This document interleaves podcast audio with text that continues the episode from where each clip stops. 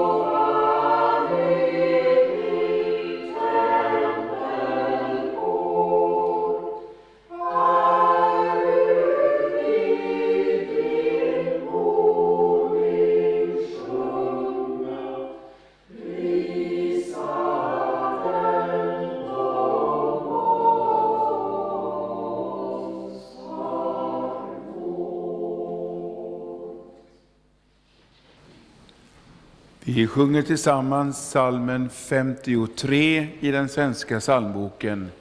53, verserna 1 och 2.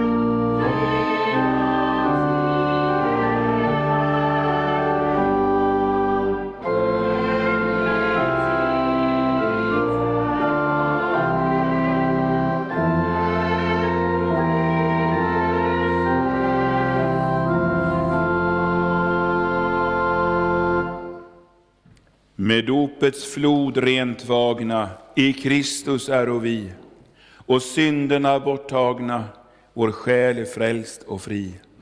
Gud själv hos oss nu verke, och med sin ande stärke, i tron vårt nya liv.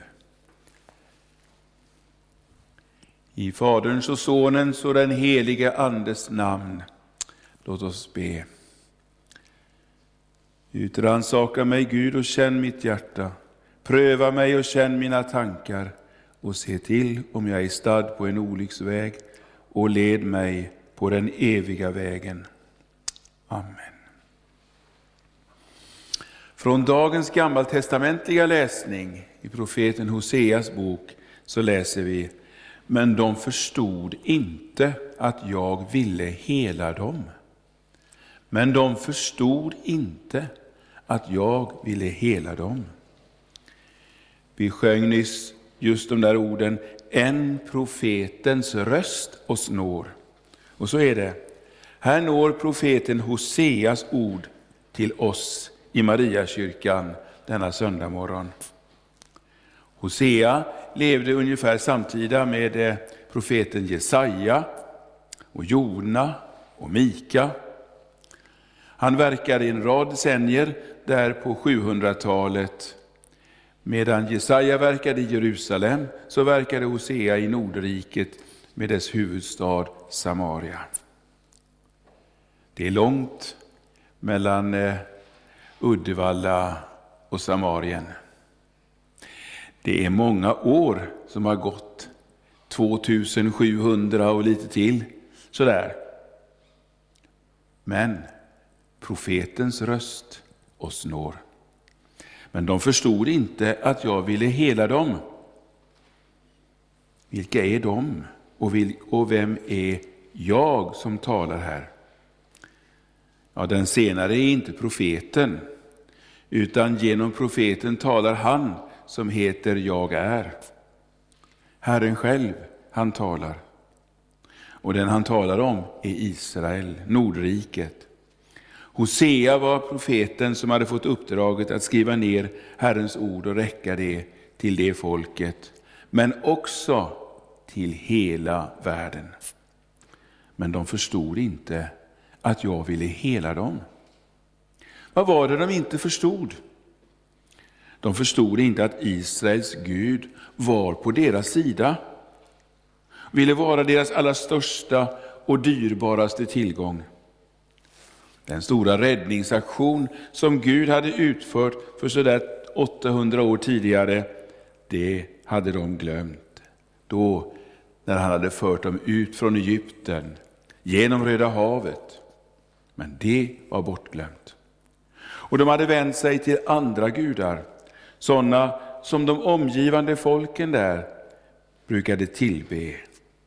För de hade ju gudar som man kunde se, med en rad olika gudabilder. Och framför allt så var det guden Baal. Det står i texten vi ska läsa alldeles strax.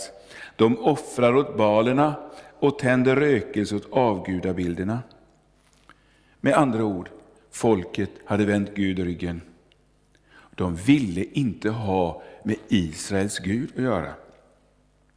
Och profeten Hosea målar detta avfall i mycket starka färger och framställer nu detta avguderi i sin bok som, som eh, äktenskapsbrott. Folket som Herren hade fört ut ur Egypten skulle vara hans äkta brud, hans brudförsamling. Men likt en trolös kvinna hade de vänt sin brudgum ryggen för att bedriva otukt med sina älskare. Men de förstod inte att jag ville hela dem. De ville inte förstå. På olika sätt kallade Herren på sitt folk, framför allt genom att sända till de profeter som inbjöd dem att komma tillbaka, att vända om, att bli upprättade och få komma in under Guds välsignelse på nytt. De förstod inte. Vänner, vi lever i en tid när hela vårt land har vänt sin Gud ryggen. Och Det har man gjort genom att lämna Guds ord därhän. Bibeln kan finnas kanske i hyllan, men samlar damm. Ingen söndagsgudstjänst. Det bär onda frukter. Och barnen får inte längre lära sig att det är Gud som har skapat världen, utan ska lära sig evolutionen som alltings början. Och hela frågan om kön och äktenskap har blivit fullständigt förvridet, där du själv ska bestämma vilket kön du har. Det trots att det är fullständigt uppenbart vilket det är. Hela det offentliga skolväsendet i vårt, i vårt land eh, eh, genomsyras, eller börjar genomsyras, av den så kallade normkritiska pedagogiken. År 722 f.Kr. så gick Samaria under och stora delar av folket fördes bort av assyrierna. Vi står under hotet av Guds dom. Också om oss gäller, men de förstod inte att jag ville hela dem. En pandemi går över världen. Den har Gud i sin hand. Den har inneburit många restriktioner och begränsningar, det ser vi. Men den har också inneburit att många syndiga tillställningar har ställts in. Herren vill tala med oss. Pandemin är Guds röst. Guds allvarsamma röst. Vänd om innan något värre händer. Vänd om och jag ska göra så gott mot er. Men de förstod inte att jag ville hela dem. Ja, det gäller tyvärr nu också. Men låt oss passa oss så att vi inte ställer oss på åklagarnas sida och de självrättfärdiga sida. Även om vi på inget sätt gör oss skyldiga till de grova synderna som florerar i vårt samhälle, så finns det ju en annan sida av saken. Hjärtats inre synder. Vad vi tänker, vad vi känner, vad vi dras till. Och vad kanske någon av oss gör i mörkret. Moses skriver i den 90 salmen, du ställer våra synder inför dig, våra hemliga synder i ditt ansiktes ljus. Om nu Guds ande får lysa på oss, så måste vi erkänna var och en, jag är oren. Jag är en syndare. Mitt hjärtas tankar innehåller så mycket orättfärdigheter. Men vilken stor sak det är att om vi, vi har förstått att Herren vill hela oss, vill hela dig, om du har lärt känna Guds väldiga nåd och barmhärtighet och kärlek, då kan du vara trygg inför framtiden, ja också inför domen och inför den dag när ditt uppbrott ska ske från världen. Om du har lärt känna Guds kärlek, då vill du gärna komma inför hans ansikte och bekänna dina synder. Och du känner den underbara rösten som säger, min vän, dina synder är dig förlåtna. Och så har du förstått att Herren ville hela dig. Och när du idag på nytt får höra förlåtelseorden i avlösningen och sen får vara med vid hans heliga bord och har tagit emot hans eget insegel i hans kropp och blod på att du är hans, ja då vet du, då vet du att Herren ville hela dig och har gjort det och ska göra det än mera i din uppståndelse. Amen. Låt oss be om våra synders förlåtelse.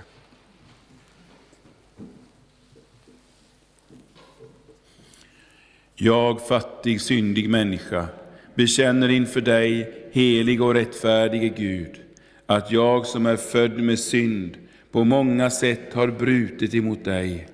Jag har inte älskat dig över allting och inte min nästa som mig själv.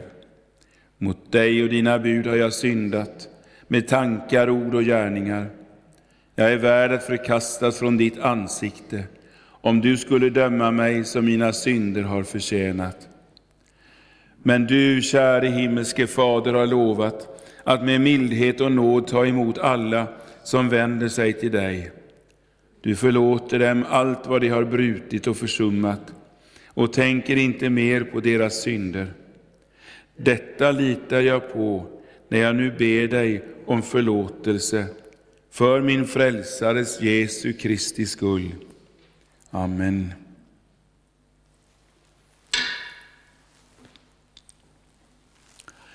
Begär du dina synders förlåtelse för Jesu Kristi skull, så är det också i kraft av Guds ord och löfte fast och visst att Gud av nåd förlåter dig alla synder, och denna dina synders förlåtelse tillsäger jag dig på vår Herres Jesu Kristi befallning, i Faderns och Sonens och den helige Andes namn.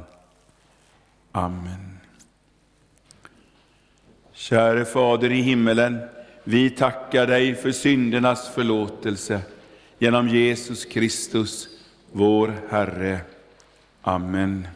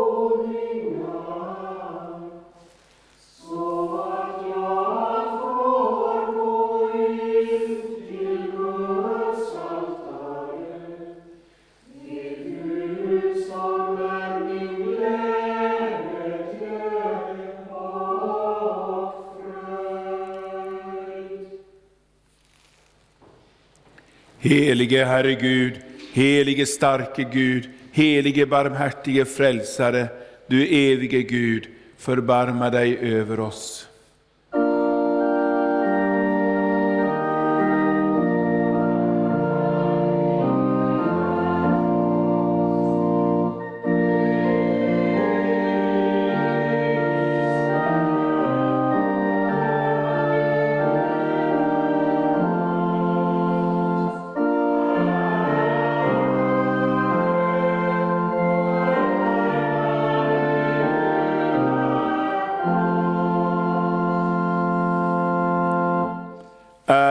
Åt Gud i höjden och frid på jorden bland människor som han älskar.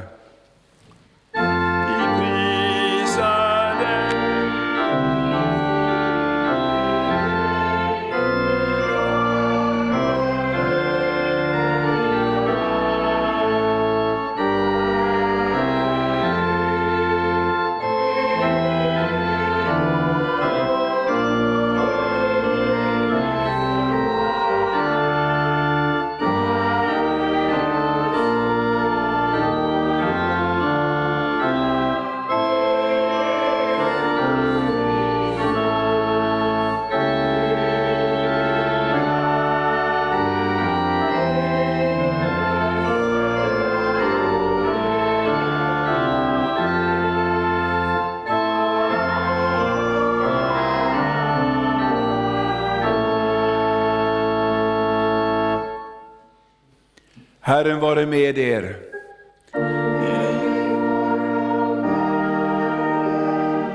Låt oss be. Herre vår Gud, vi tackar dig för att du i dopet gjorde oss till dina.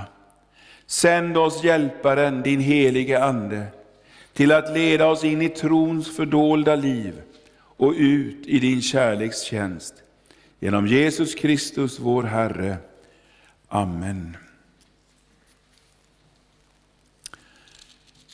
Vi lyssnar till eh, denna söndagens gammaltestamentliga läsning idag på fjärde söndagen efter påsk, eller som det också numera kallas, femte söndagen i påsktiden.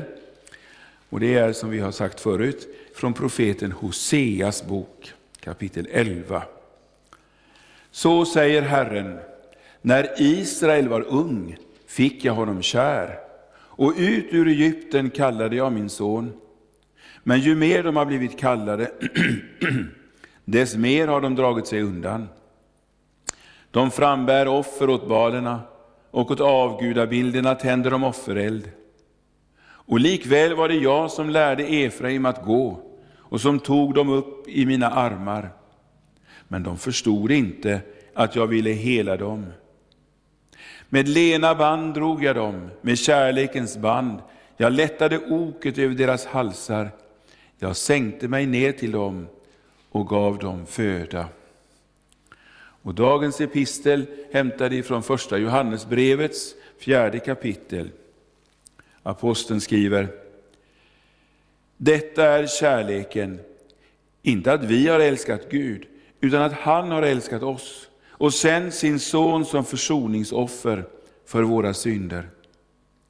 Mina kära, om Gud har älskat oss så, måste också vi älska varandra. Ingen har någonsin sett Gud, men om vi älskar varandra är Gud alltid i oss, och hans kärlek har nått sin fullhet i oss. Han har gett oss sin ande, och därför vet vi att vi förblir i honom och han i oss. Vi har sett och kan vittna om att Fadern har sänt sin son att rädda världen. Om någon bekänner att Jesus är Guds son, förblir Gud i honom och han i Gud. Och vi har lärt känna den kärlek som Gud har till oss och tror på den. Gud är kärlek, och den som förblir i kärleken förblir i Gud, och Gud i honom. Så lyder Herrens ord.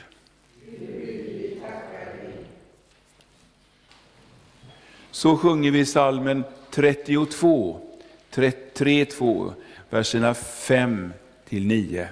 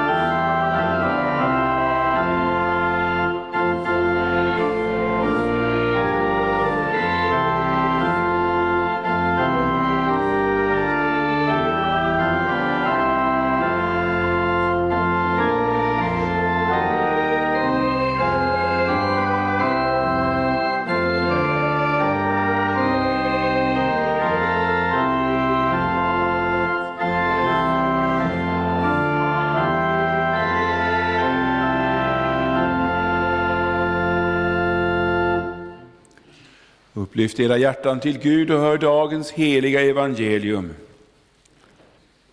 Så skriver evangelisten Johannes. Jesus sade, nu går jag till honom som har sänt mig, och ingen av er frågar mig, vart går du? Utan det jag har sagt er fyller era hjärtan med sorg. Men jag säger er sanningen, det är för ert bästa som jag lämnar er. Ty om jag inte lämnar er kommer inte hjälparen till er. Men när jag går ska jag sända honom till er, och när han kommer ska han visa världen vad synd och rättfärdighet och dom är. Synd, de tror inte på mig. Rättfärdighet, jag går till Fadern, och ni ser mig inte längre. Dom, denna världens härskare är dömd. Så lyder det heliga evangeliet. Så, så låt oss nu tillsammans bekänna vår heliga kristna tro. Vi tror på Gud Fader allsmäktig, himmelens och jordens skapare. Vi tror också på Jesus Kristus, hans enfödde Son, vår Herre, vilken är avlad av den helige Ande, född av jungfrun Maria, pinad under Pontius Pilatus, korsfäst, död och begraven, nederstigen till dödsriket, på tredje dagen uppstånden igen ifrån de döda, uppstigen till himmelen, sittande på allsmäktig Gud Faders högra sida, därifrån igenkommande till att döma levande och döda. Vi tror också på den helige Ande, en helig allmännelig kyrka, heliga samfund, syndernas förlåtelse, de dödas uppståndelse och ett evigt liv.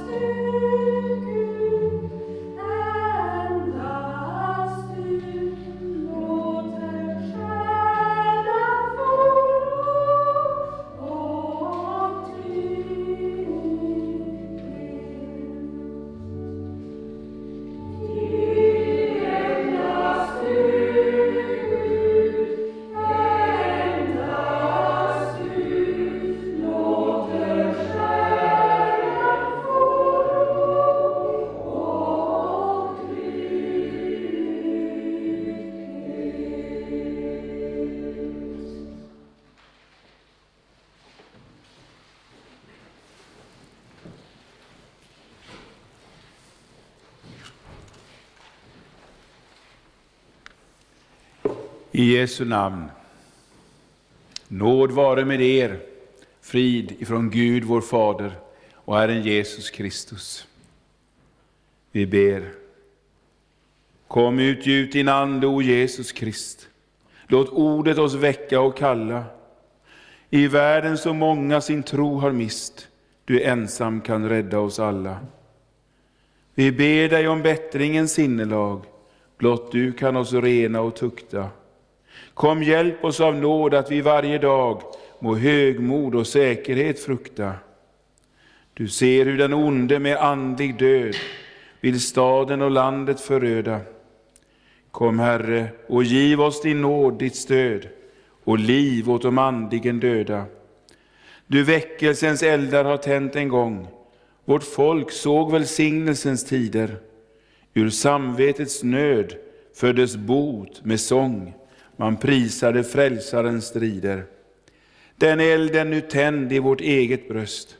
Låt anden nå gamla och unga, så synden vi lämnar och världens tröst, men frälsarens verk vill besjunga. I bön vill vi bida den nådens dag, när ungdomen söker Guds ära, när vuxna vill vandra i Herrens lag och villigt sitt kors tar att bära. O Jesus, så ber du för oss till Gud. Din fader han lyssnar till orden. Han sänder sin väckelses förebud och elden från himlen når jorden. Amen. Kära medkristna. Nu ska vi gå till det heliga evangeliet för den här dagen. Det som vi har läst.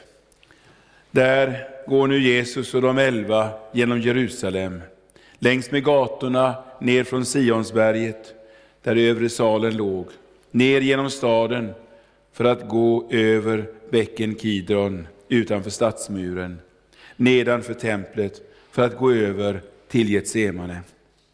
Sista vandringen med sina lärjungar. Och det är mänskligt sett inte så underligt att lärjungarna är bedrövade, som vi hörde. De förstår att det är något förfärligt som håller på att hända. Det har de rätt i. Men samtidigt, de har inte hört vad Jesus egentligen har sagt till dem under de sista månaderna. Vid en rad tillfällen har han talat med dem om sitt lidande, men alltid med ett avslutande ord om den tredje dagen, om uppståndelsen. Och därför var det just så som Jesus sa till dem. Era hjärtan är fyllda av sorg, därför att jag har talat detta. Eh, att han är på väg bort, på väg till Fadern. Men de hör bara att han är på väg bort. Och milt förebrående säger han, nu går jag till honom som har sänt mig och ingen av er frågar mig, vart går du? Ingen. Men i verkligheten i att han går sin, går till, går sin väg, är att han går till Fadern. Och det är något så dyrbart, någonting så gott och underbart för, för dem som för oss.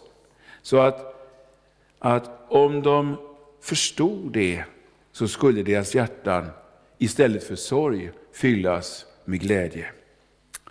Predikan idag ska ha fyra rubriker. Den första är det stora löftet och det andra är Jesu gång till Fadern. Det tredje är segertåget över världen och det fjärde är Jesu andes seger i våra liv. Först det stora löftet. Vi hörde Jesus säga, det är bäst för er att jag går bort. Eller, ja, det, är bäst, eh, det är det bästa för er. Det för med sig någonting så väldigt gott. Det grekiska ordet är väldigt tydligt. Och det goda i den heliga ande som här kallas för hjälparen. När Jesus går bort så ska det hända det stora löftet. Guds helige ande ska komma. Och Jesus vet hur stort detta är. Det förstod inte lärjungarna då, men de skulle komma att göra det. Och de skulle komma att erfara, uppleva det, hur oerhört stort det löftet var. Efter sin uppståndelse så upprepade Jesus löftet om anden vid flera tillfällen. Och de skulle vänta i Jerusalem efter hans himmelsfärd tills anden kom. Och så skulle han ge dem all den kraft de behövde för det väldiga uppdrag de hade. Den heliga ande är på något sätt den mest ogripbara personen i den heliga treenigheten. Vi kan ju inte se honom. Vi bekänner varje söndag att vi tror på den heliga Ande, det har vi gjort idag. Inte bara på Fadern och på Sonen, vår Herre, utan också på den heliga Ande. Men vem är Anden? I sitt stora avskedstal så ger Jesus oss några ledtrådar på vägen in till att kunna ana något av detta underbara mysterium. Ja, där på kvällen, så, medan de fortfarande var kvar i nattvardssalen, så hade Jesus sagt, om ni älskar mig håller ni fast vid mina bud, och jag ska be Fadern att, och han ska ge er en annan hjälpare, som ska vara hos er för alltid, sanningens ande. Världen kan inte ta emot honom, för världen ser honom inte och känner honom inte. Men ni känner honom, för han förblir hos er och ska vara i er. Jag ska inte lämna er faderlösa, jag ska komma till er. Här kallar Jesus anden för en annan hjälpare. Ordet hjälpare på grekiska parakletos eller parakleten betyder en som blir tillkallad för att hjälpa, för att försvara, ta i försvar, komma till undsättning. Vårt ord försvarsadvokat kan i någon mån peka i en rätt riktning. Och när Jesus kallar honom för en annan hjälpare så betyder det att det innan fanns en förste hjälpare. Och den, det var Jesus. Och han hade nu varit med dem i tre år. Undervisat, tröstat, förmanat, visat dem vägen och varit deras mästare. Men nu ska han lämna dem, men han ska sända dem en annan hjälpare. Och så kallar Jesus honom också för sanningens ande. Själv hade Jesus vittnat om sanningen i allt han sagt om sig själv, om Fadern, om vägen till livet, till salighet, om en helig vandring, om omvändelsen och tron. Men nu skulle han lämna dem. Men anden skulle komma och vittna för sanningen. Anden skulle komma och leda apostlarna fram till hela sanningen. Han skulle lägga Guds ord i deras mun. Han skulle öppna för de gamla testamentets skrifter. Han skulle hjälpa dem att minnas och teckna ner allt vad Jesus hade sagt dem och lärt. De skulle vittna i Andens kraft om sin mästare och frälsare, om hans död och hans uppståndelse. Anden skulle sedan leda församlingen fram till den kanonisering av Nya testamentets heliga skrifter, så att vi där i Bibelns bok har allt som vi behöver. Som sanningens ande skulle anden också komma över alla troende förkunnare, präster och biskopar, så att de kunde inte bara förstå skrifterna utan också utlägga dem och förkunna och predika. Och så hade Jesus också sagt de här underliga orden, jag ska inte lämna er faderlösa, jag ska komma till er. När, när Jesus lovar att anden ska komma så säger han, jag ska komma till er. Hör ni det? Jag ska komma till er. Anden är ju Jesu ande. Han är också Faderns ande. Och när anden kommer så är hela treenigheten där. Och när anden öppnar Guds ord så är Guds trefald där. När anden kommer och tar sin boning genom tron i en människa så är det Jesus som kommer. Den uppståndne kommer till oss i den heliga ande. Men det är också Fadern själv som är där. Visst är det egendomligt? Det allra förnämsta kapitlet i Nya Testamentet om vad det betyder att anden tar sin boning i en människa, det är Romarbrevets åttonde kapitel. Och där nämner Paulus om anden 20 gånger inom ramen för 23 eller 24 verser. Och sen i det tolfte kapitlet, liksom också i tolfte kapitlet i första Korintierbrevet, undervisar Paulus om de gåvor och nådegåvor som anden utrustar Guds folk med för deras gemensamma tjänst i kyrkan. Men jag vill peka på det där med Romarbrevets åttonde kapitel. Försök komma ihåg det och läsa det. Romarbrevets åttonde kapitel, de första ungefär 25 verserna.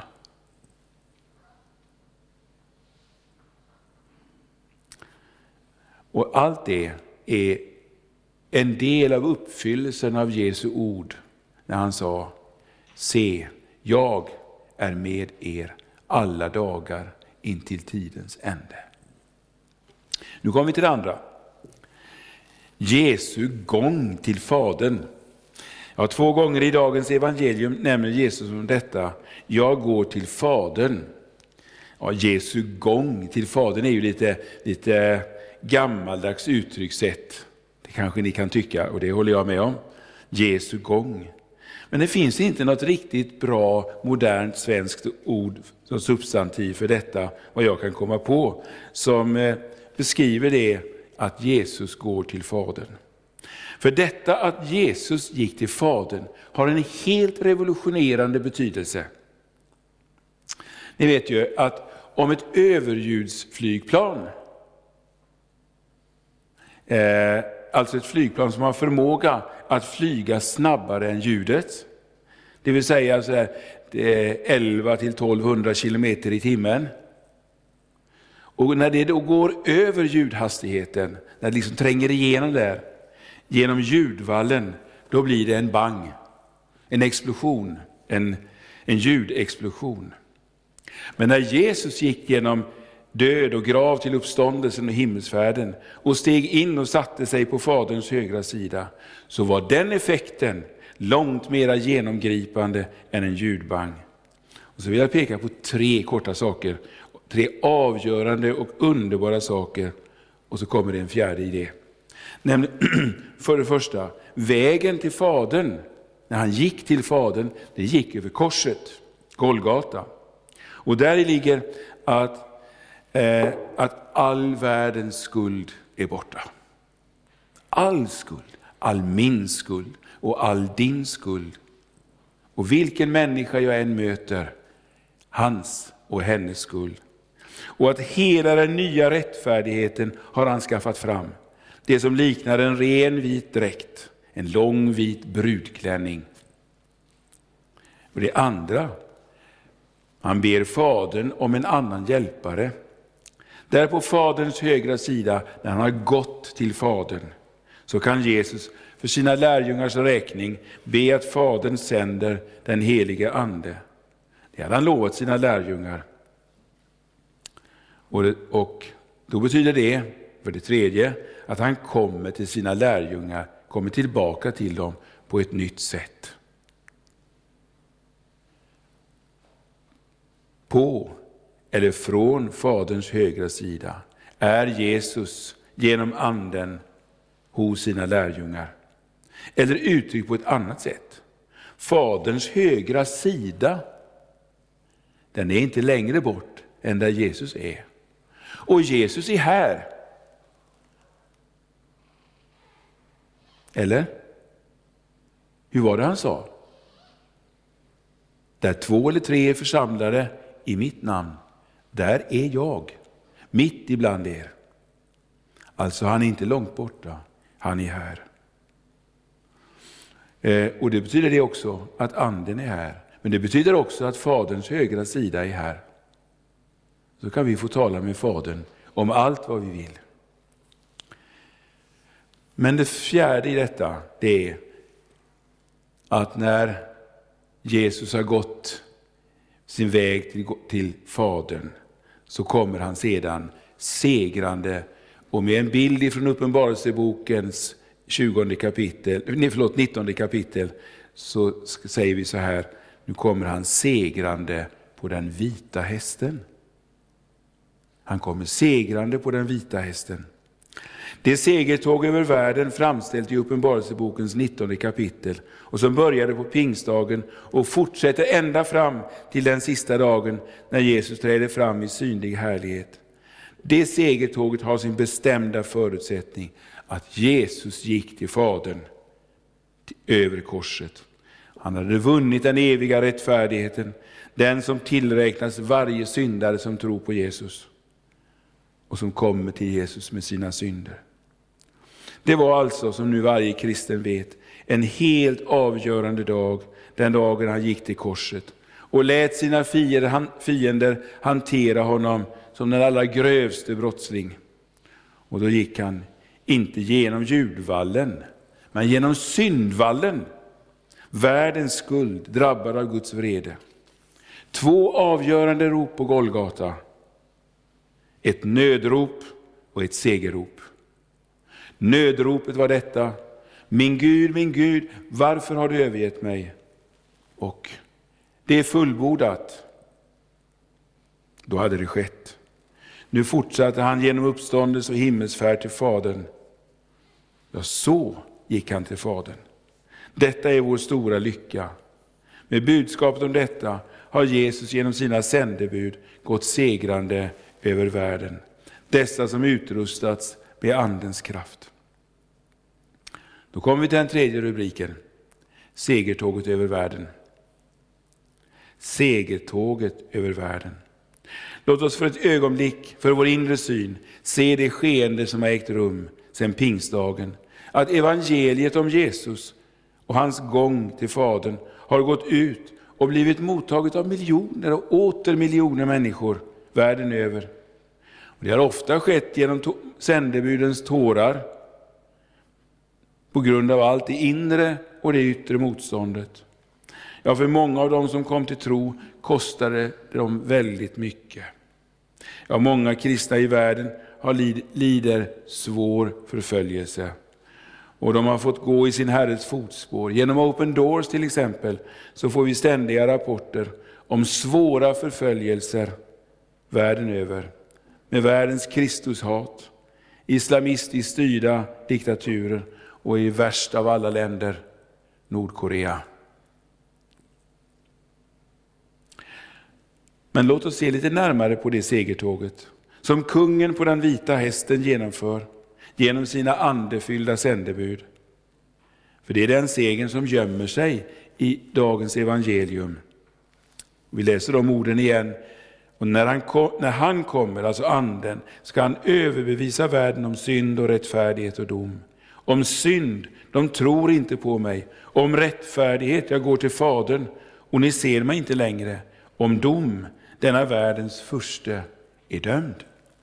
När anden kommer och verkar på människor genom det ord som apostlar och andra sändebud förkunnar, så överbevisar han världen.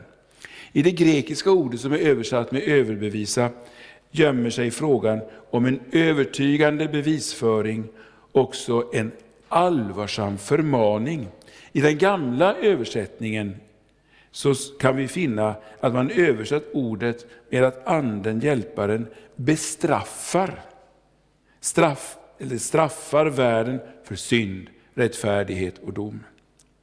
Ja, när vår frälsningskung på den vita hästen den första, dagen, förlåt, den första pingstdagen i Jerusalem började sitt segertåg, så vet vi att Petrus andefyllda predikan ledde till en inre bestraffning hos de som lyssnade. De kände styng i sina hjärtan, berättar Lukas. De förstod att deras stora synd, personligen och hela Israels folks synd, det var att de hade sagt nej till Jesus. Att man hade trott sig äga en tillräcklig rättfärdighet genom vad man själva gjorde, av egen fromhet och laguppfyllelse. Men nu förstod man att Guds dom vilade över dem. Och med full överbevisande kraft kom anden och fyllde deras hjärtan med en förtvivlad fråga. Bröder, vad ska vi göra? Vad ska vi ta oss till? Men Petrus visste vad han skulle förkunna. Han visste vad evangelium var och kunde förkunna denna väldiga nåd att han själv, som han själv hade fått ta emot. Och Guds ande gav människorna nåd att bekänna sina synder. Och så fick de ta emot dopets väldiga gåva till syndernas förlåtelse och anden som gåva, vars förnämsta innebörd var att de fick en inre visshet om, att, om syndernas förlåtelse, att de var Guds barn. Men en helt ny gåva att nu kunna ta sig an sina egna barn in och ta dem med in i Guds rike. Det är detta skeende som ägt rum nu i nästan 2000 år. Ibland i stora väckelser, men oftast i enskilda små församlingars men andefyllda arbete, där Guds ord har förkunnats. Och missionärer har sänts ut. Men överallt där tron har väckts har det varit just detta andefyllda budskap som kommit med Andens överbevisning och Andens bestraffning. Präster, missionärer och predikanter har förkunnat Guds ord. Föräldrar och deras medhjälpare har undervisat sina barn om vägen. Och så har det skett. Människor har sett att Herren Jesus, kungen, medelpunkten i tillvaron, frälsaren, det är Jesus. Och hjärtan har fyllts av längtan efter att få vara hans. Tillhöra honom. När anden överbevisar om rättfärdighet så är det någonting som både avslöjar ett, är ett avslöjande om vår egen orättfärdighet eller vår egen inbillade rättfärdighet. Anden avslöjar att vi inte äger i oss själva en rättfärdighet, trots en god vilja att vara sådana som man vill. Och så, sådan som jag är, så står jag orättfärdig inför Gud, så som vi har bekänt i vår syndabekännelse idag. Men när Anden kommer så avslöjar han det, och det är en skakande insikt. Men så ställer Anden fram en annan rättfärdighet, en rättfärdighet som kommer från Gud, som ger mig gratis en rättfärdighet som Jesus genom sin gång har vunnit åt mig. Och så blir det min allra dyrbaraste egendom, min frälsares rättfärdighet, den vita bröllopsdräkten. Vi ska nu komma till det allra sista. Jesu andes seger i vårt liv. Jesu andes seger i mitt och i ditt liv. Vad är det? Vad är det för en seger? Och Det första jag vill peka på, det är den där nya vissheten. Vissheten om syndernas förlåtelse.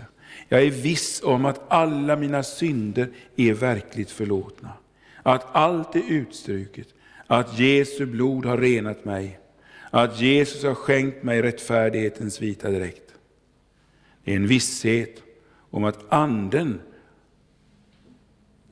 som anden har gett mig genom löftesordet om syndernas förlåtelse. Det ordet har nått in till mig. Bengt, dina synder är förlåtna. Min vän, dina synder är dig förlåtna. Jag vet att jag är värd en evig fördömelse. Men anden har genom ordet övertygat mig om att Jesu gång, Jesu vandring till Fadern över Golgata, det blev till frälsning för mig. Denna visshet, denna inre överbevisning som är identisk med det goda samvetet, det är Andens avgörande seger i mitt liv. Men den leder också till det andra, att jag får en frimodighet inför domens dag. Jag vågar frimodigt säga till Jesus, kom Herre Jesus, jag väntar på dig att du ska komma och jag väntar med glädje, för du du är min stora glädje. Och Jesus har blivit mitt livs centrum. Det är min största lycka att jag har fått bli hans, att jag känner honom och han känner mig. Och då kan jag vänta med frimodighet på den stora dagen. Det tredje är den nya kärleken. Den sanna och levande tron visar sig alltid i en kärlek till min nästa. Det vill säga att jag inte lever för mig själv. Min självupptagenhet och själviskhet har fått byta plats med kärlek till medmänniskorna som jag har i min närhet. Jag tänker på dem, ber för dem, har omsorg om dem, frågar efter hur de har det. Och jag ser på dem med nya ögon. De är visst inte felfria. Ja, somliga av dem kan ju till och med vara ganska besvärliga. Men den nya kärleken ser på dem med Guds ögon. Och jag vet att jag själv har fått så mycket förlåtet att jag med barmhärtighet kan se på min felande nästa. Och den nya kärleken bär också med sig en omsorg om min nästas själ, om hans frälsning. Och är han inte en troende kristen så tänds en längtan i mitt hjärta efter att han ska få bli en kristen. Att han ska få möta Jesus på samma sätt som jag. Och be därför Jesu ande om ledning och frimodighet att våga och kunna säga något i den rätta stunden. Det fjärde och sista jag vill peka på, i detta, det är den nya uthålligheten. Uthålligheten i striden. För den som genom Guds ande har fått frid i sitt inre får obevekligen strid med ondskans andemakter. Inte minst med sitt eget kött, sitt eget onda jag. Mitt eget onda med dess självupptagenhet och tröghet och oförsonlighet, det vill inte dö. Men till den striden vill anden, hjälparen, komma och hjälpa mig. Och låt oss inte glömma Jesu ord. Om nu ni som är onda förstår att ge era barn goda gåvor, hur mycket mer ska inte er himmelske far ge helig ande åt dem som ber honom? Kära medvandrare, på väg till himlen. Herren Jesus är hos dig genom sin ande. Han tröstar dig när han får tala med dig i sitt ord. Och så till sist vill jag då peka på den allra dyrbaraste platsen och det är det heliga bordet med altarets sakrament. Där står Jesus själv, fylld av sin kärlek och säger Kom, kom min vän, kom och ta emot vad jag vill ge dig, min kropp och mitt blod. är min pant till dig att du är min och att jag är med dig och att alla dina synder är förlåtna och att vi snart ska ses i min härlighet. Amen.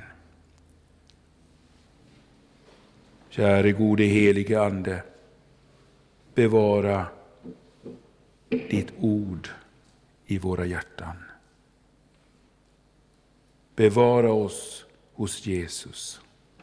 Och du Jesu ande, du är Jesus och du är hans ande. Jesus, vi tackar och lovar dig för att du finns här mitt ibland oss. Amen.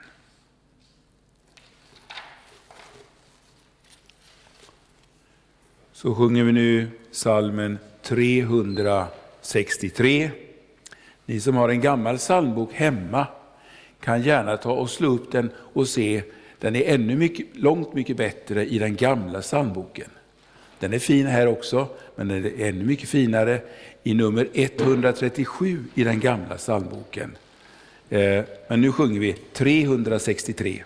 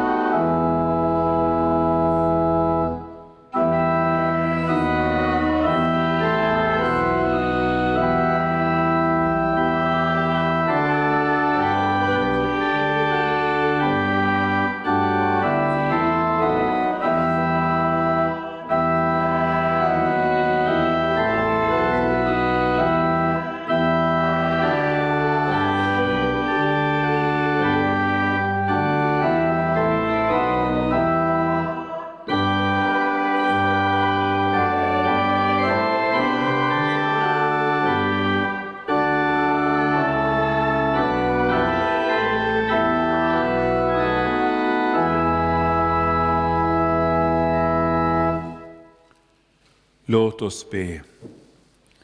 Herre vår Gud, du som på Jesu löfte har utgjutit över oss din helige Ande. Vi ber dig, styrk och led din kyrka och samla ditt folk kring ordet och sakramenten.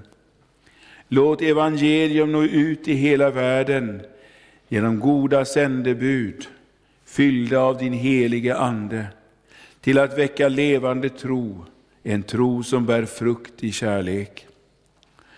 Ge dina vittnen kraft när de får lida för din skull.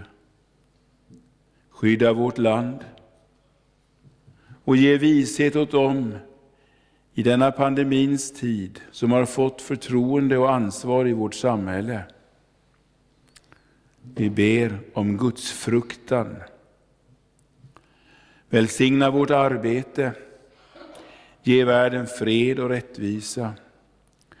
Vi ber nu särskilt för våra lidande medkristna i Nordkorea, i eh, Nigeria, norra Nigeria och Kamerun. Dessa som utsätts för Boko Harams svåra terrorattacker.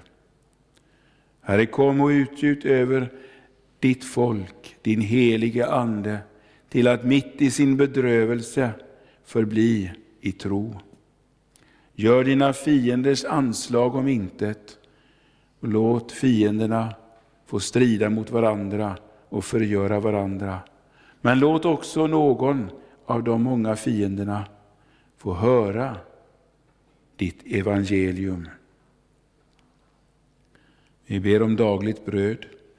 Stärk vår vilja att dela med oss åt dem som lider nöd. Låt våra hem präglas av kärlek, sammanhållning, trygghet, gästvänlighet. Gör vår församling till ett hem där vi får mötas i bön, arbete, tillbedjan och gemenskap. Kom Herre till de sjuka, sörjande och ensamma och vi ber särskilt för dem som vi tyst nämner vid namn.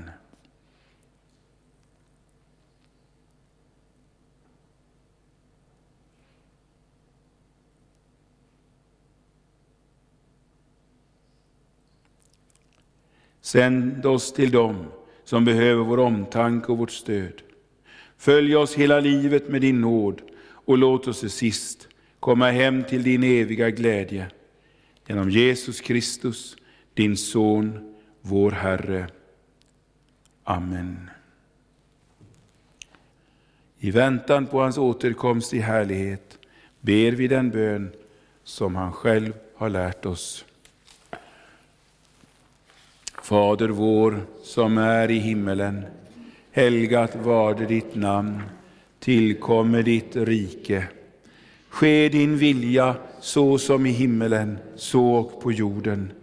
Vårt dagliga bröd giv oss idag och förlåt oss våra skulder så som och vi förlåta dem oss skyldiga äro. Och inled oss inte i frestelse utan fräls oss ifrån ondo. Ty riket är ditt och makten och härligheten i evighet. Amen. Låt oss tacka och lova Herren.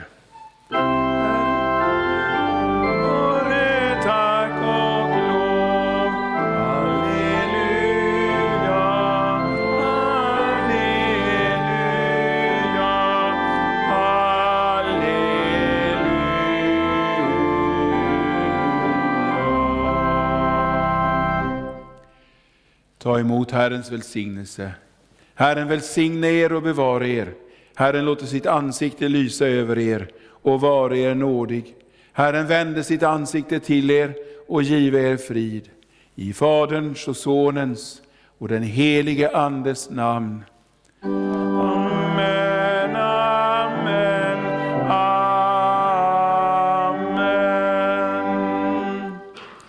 Vi slutar vår högmässa med salmen 51, den tredje versen. 5.1, vers 3.